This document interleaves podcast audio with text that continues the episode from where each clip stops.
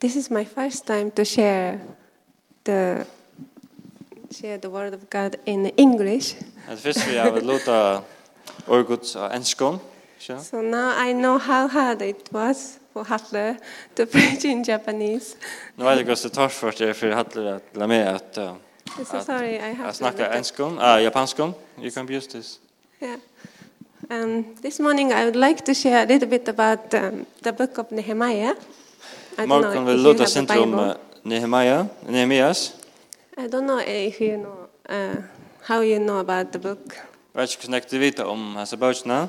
But this is the book about the the the story. Uh, oh, sorry, this is about the, yeah rebuilding rebuilding the walls of Jerusalem, Det var en bok om at uh, det endebytja uh, muren i Jerusalem. and restoring the faith of people of Israel.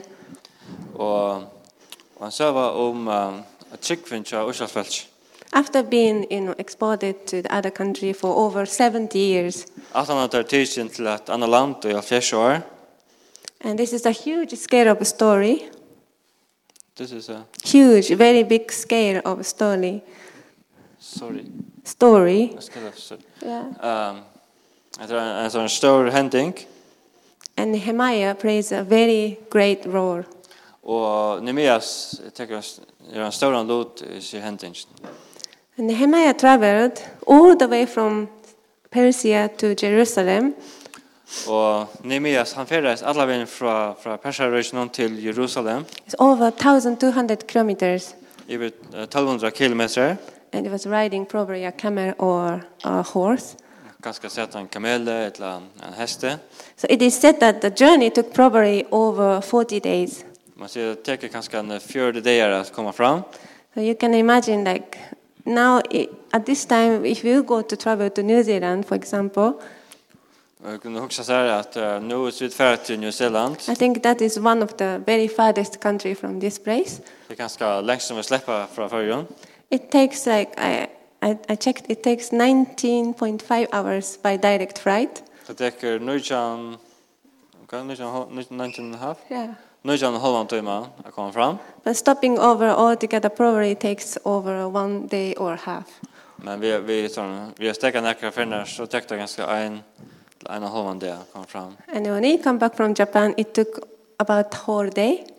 När vi kom åter från Japan så tog han Highland där And during the tra- travel, it was very tiring. och vi er har färdats till vårt öliga mål. But when he arrived this airport at to- at, uh, at Fair Island in Fair Island, Men då kom vi till Slovakien i färjan I forgot all the tiredness. I was so happy to be here. så um själva var glada med oss eh, så var det öliga glada att vara här. So you can imagine how Nehemiah felt when he came finally to arrive to Jerusalem. Du kan också också med han var då han kom till Jerusalem. I'm sure he was Uh, very Nehemiah's, yeah. yeah, ve- very exhausted, I guess. Han säkert var utlig på var. But he must be very excited. Finally, I'm here. Men er är det öliga spänt ut. Äntligen är det kommen här till. But to our surprise, he kept his mouth shut for a while. Men sen man klackar av att höra att eh, han tackte och i fjör how how many days? 40 days? Uh, a few days. Ah okej. Okay. Eh, han tackte i några dagar. Can, if you have a Bible, I would like you to open the Nehemiah chapter 2, uh, 11 and 12. Så Bibeln kom det att läsa och i Nehemias 2 eh, 11, 12. 11 och 12. It said, I read, so do you have various I Bible? left my Bible out at the chair. Oh. Uh, Awesome. it, I, it's okay in English. Ja. Or you can do it in Okay. Various. 11 and 12. Eh, Ta Jesu var kommet til Jerusalem og hei veri her i trutja deir, fyrir upp om nottena vi nøkron favon mannen, men hei, an- men hei ongon menneska sagt hva godmunn hei lagt mara hjärsta at gjera fyrir Jerusalem, og kreature og jeg rei og hver einasta kreature og jeg hei vimmer. 11 and 12. Yeah. Okay. So he stood up and then in the night he searched the Jerusalem. Is it correct? Mm, I think so. Yeah. Again, what do you say? He went to search the Jerusalem city. Ja, han leita i Jerusalem boje. And in verse 16, 16 said again, you can read. Og vers 16 sier han videre. Can you read? Og yvmennene visste ikke hver jeg hei vere og hver jeg atla jeg gjere, då jeg hei ikke nevnt om te enn fyrir jøten om presten, størmannen, yvmannen, eller hinnon jeg komme, jeg få vi arbeid jeg gjere. So Nehemiah didn't even speak to the officials or other leaders. Or he had not shared his vision yet, even he came Jeremias- finally. Nei, eh, Nehemia sier ikke sagt um vi nekran om hva han atla jeg gjere, om hans revisjon, But then verse 13 said, you men can- vers 13 stender, shall I read in Ja. English? Jeg får om nattene ut om dalsposter, ivermøter, dreka kjelt og kom at mykje postre. Jeg hukte at muren Jerusalem, hvordan her var røvner nyer og hvordan postene var brent opp. So after closely looking at the situation in Jerusalem At han er hukt etter standen i Jerusalem, with his own eyes, med sin egen egen, finally Nehemiah broke his silence. så, for, så breit han tøktene. He raised his voice and called people to work together. Og han kallar folk sammen at arbeide sammen. So Nehemiah knows when to be silent and when to speak. Nemeas han visste när att han skulle tia och när han skulle se nack. So he knew the both, the right time of both being quiet and speaking up, Och det rätta tidpunkten är att vara stiller och kvirrer och se nack. to share his heart. Och att det låter så hjärt. This Son of just Isha. reminded me of a person of Christ, Jesus Christ. Detta mynt mig just om av Jesus. He also knew when to speak and when to be quiet. Jesus han visste just när han skulle tia och när han skulle tas.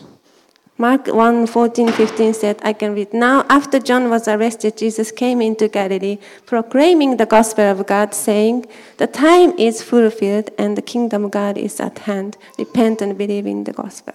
Vi läser just i Markus 1 14-15 att Jesus um, han kom eh, han står fram och um, Yeah, alltså it's, o- sen nu tog kom skulle playa honom här. yeah, it's okay. So, Ja, men börjar efter Okej. okay. bullar som tänder. Skulle tiden upp. Eh, men efter att Johannes var satt fast så kom Jesus till Galilea och predikade evangelium Guds och säger tøyen är fullkommen och rike Guds är kommen nær. Omvendte tykken og trykve av evangeliet. so the, when the right time has come, finally alive, Jesus opened his mouth. Ta det rette tidspunktet var kommet, ta åpna Jesus And he munnen. had no hesitance to start sharing the gospel. Da har han, ta sånn, um, hesitate, sånn. Um, ja? Du- Ja, ta drar han ikke vi at, um, at, at uh, prætka evangeliet. He had waited for the right moment to come, and then he knew it was that time.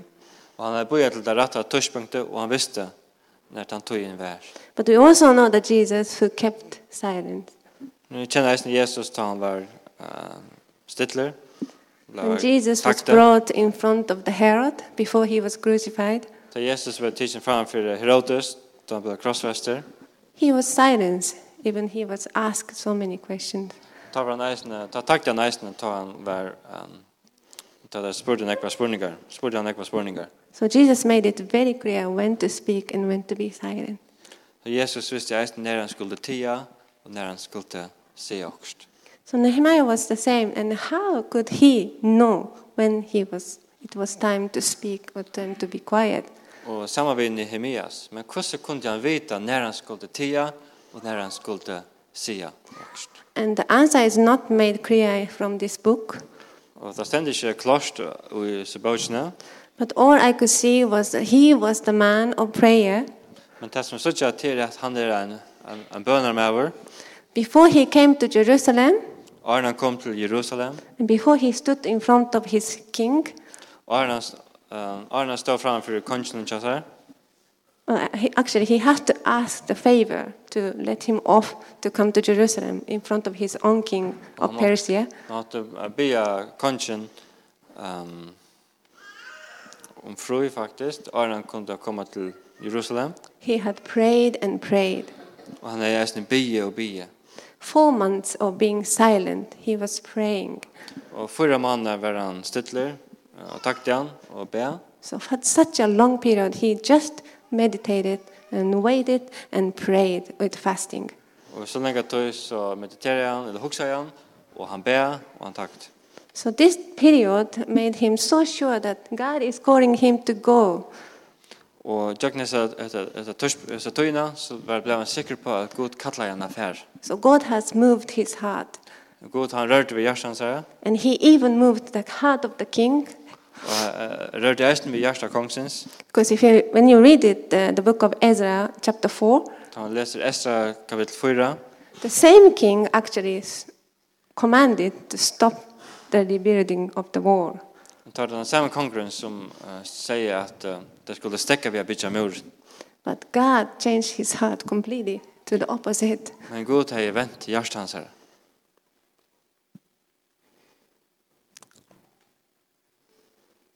And um, I think because he was so close in relationship with, with God, Han sikker til at han er så tatt samband med Gud, he was so sure to do the right thing at the right time. så kunne Nehemias vite uh, når han skulle gjøre det. Han kunne være sikker i at han gjør det det rette og det rette tidspunkt. And when the moment came when the Nehemiah has to call out people to come to help with to, to be rebuilt, Og ta tøyen kom at Nehemias skulle, uh, Nehemias skulle uh, kalle folk seg sammen Or til å his- bygge muren. sorry, all he said was, I have to read the, the scripture. The hand of my God that had been upon me for good, and also of the words that the king had spoken to me. This is said at the verse 18, Chapter chapter 2. Okej, tack. Så ser jag vers 18 her i kapitel 2. Og jeg sier til heimen hvordan Gudmund hei helt det gode håndsøyna iver mer, er, og somleis kvært konger hei sagt til meg, ta settet her, vi skulle gjøre okkom til reier og bytja, og ta føre foser under hetta gode versk. So Nehemiah showed people that this work is from God. Um, assured people. uh, Yeah. Så, og, så Nehem- eh, Nehemias han um, sikrer faktisk noen at dette var fra gode, So God is the one who called him to come. så gode er kattlet han å komme, Therefore, he will be with us og han, og han vil vi okkom, from the beginning to the end of the work. Eh, fra byrjan og til endan av versjonen. He also shared that how God has changed the heart of the king. Og han fortalte eisne hvordan Gud har brøtt hjertet kongsens. And then the end of the verse 18 also said, And they said, Let us rise up and build. So they strengthened their hands for the good work. Og til endan sier vers 18, så sier han, så sier falskje, vi skulle gjøre okken til reier og bytja, og ta føre foser eh, under hetta goa versk. Actually, before they are trying to rebuild, but many times they failed. Men Aaron hadde faktisk rønt av bytja enda muren, men det hadde ikke klaret det. But this time they didn't hesitate to say yes. Men hesfør så atrar det seg ikke ved å si ja, They just, Yes, let's do it. Just Understood, yeah. followed Nehemiah. ja, kom gjør det, og er der, der følte Nehemias, I think only because he showed that it was God began began this work. og til han kunne vise at det var Gud som er byrja etter versk. So in Nehemiah's sharing, Nehemiah put God in the center of his sharing. Så tar Nehemias, han lutar ju om sina vision, så sätter han Gud mitt. Like, He never said I did and we did, Han säger omgående till er eller vit, but jag gör, he det- jag gör det detta. he focused on God, Och han uh, fokuserar av Gud. and so he was the sh- he was the center of his sharing. Så Gud var i centrum att det som Nehemias ställt. Because um, we shared this morning about Japan, Du där snö här var Lotta i morgon om Japan. I would like to ask you to pray for us Men gärna att jag ska be för er. that we also will know the right time, the right thing to do at the right time, uh, right, right things to do at the right time. Sorry, Och vi där snö kunde veta att när vi skulle göra det rätta tinget, det rätta tidspunkt. it is so easy for us to think, oh, what is next, to rush, do things in rush. Så er jag lärde jag kunna att uh, huxa och göra ting um, i skundet. For me, it was more hard to wait För mig in var det silence. and Right. praying to God and För mig var det torrförare att boja och bia. but we need also to speak to Men vi- Japanese people. Men vi må eisen tåsa. But when we speak, we want Jesus to be seen, Men tar vi tåsa så vill jag att Jesus ska vara sattur. not like I did, I, I am, I. No, not what we. Ikke det som er og er gjer og er hatta, men eller hva vi gjer. But we want God to be seen in our daily lives. Men vil jeg at Gud skal være sattur og i akkara dagliga løyve.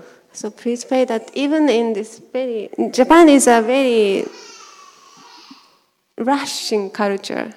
I Japan har alt skund.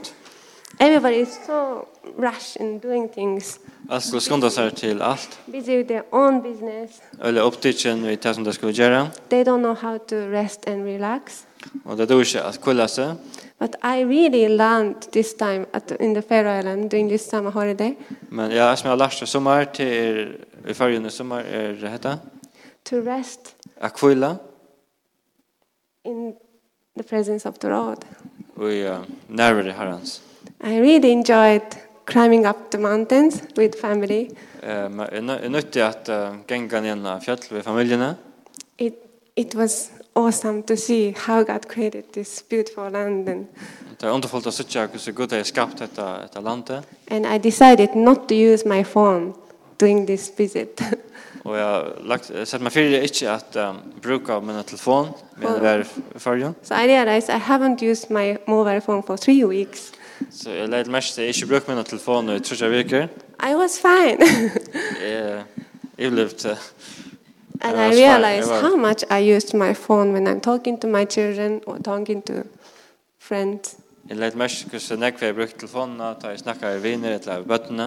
But I learned to talk to people and face to face here. It was so nice. Og er det var deilig jeg lærte at uh, snakka i folk, annet til annet. And I want Japanese people also to know there is a rest in Christ. Jeg ville eisne at Japans, at folk i Japan skulle vite at det er kvila og Kristus. They need to know. Det har jeg bruk for å vite. It's very difficult to, for them to know Christ. Men for det er det veldig torrfart at uh, komme å kjenne Kristus. They have to throw so much to come to know Jesus. Det må blakka nek bostur for å komme til Kristus. So, yeah, we appreciate if you, yeah, remember us in prayer time to time. Jeg vil uh, takka for det til be for okkon av og. And uh, last, I want to share one scripture in the end. It's, it's Psalm 115 and 1. Og til sørst skal lukka lesa eit vers. Ur salme 115 vers 1. Det er kanskje 116 litt først. 115 and 1. Not to us, O Lord, not to us, but to your name give glory for the sake of your steadfast love and your faithfulness. Ja, heter hon Psalm 115 vers 8. Her sender, ikkje okkon herre, ikkje okkon, men navnet tøynun djever, djever to heier, fyrir nage trofeste tøynar skuld. Takk for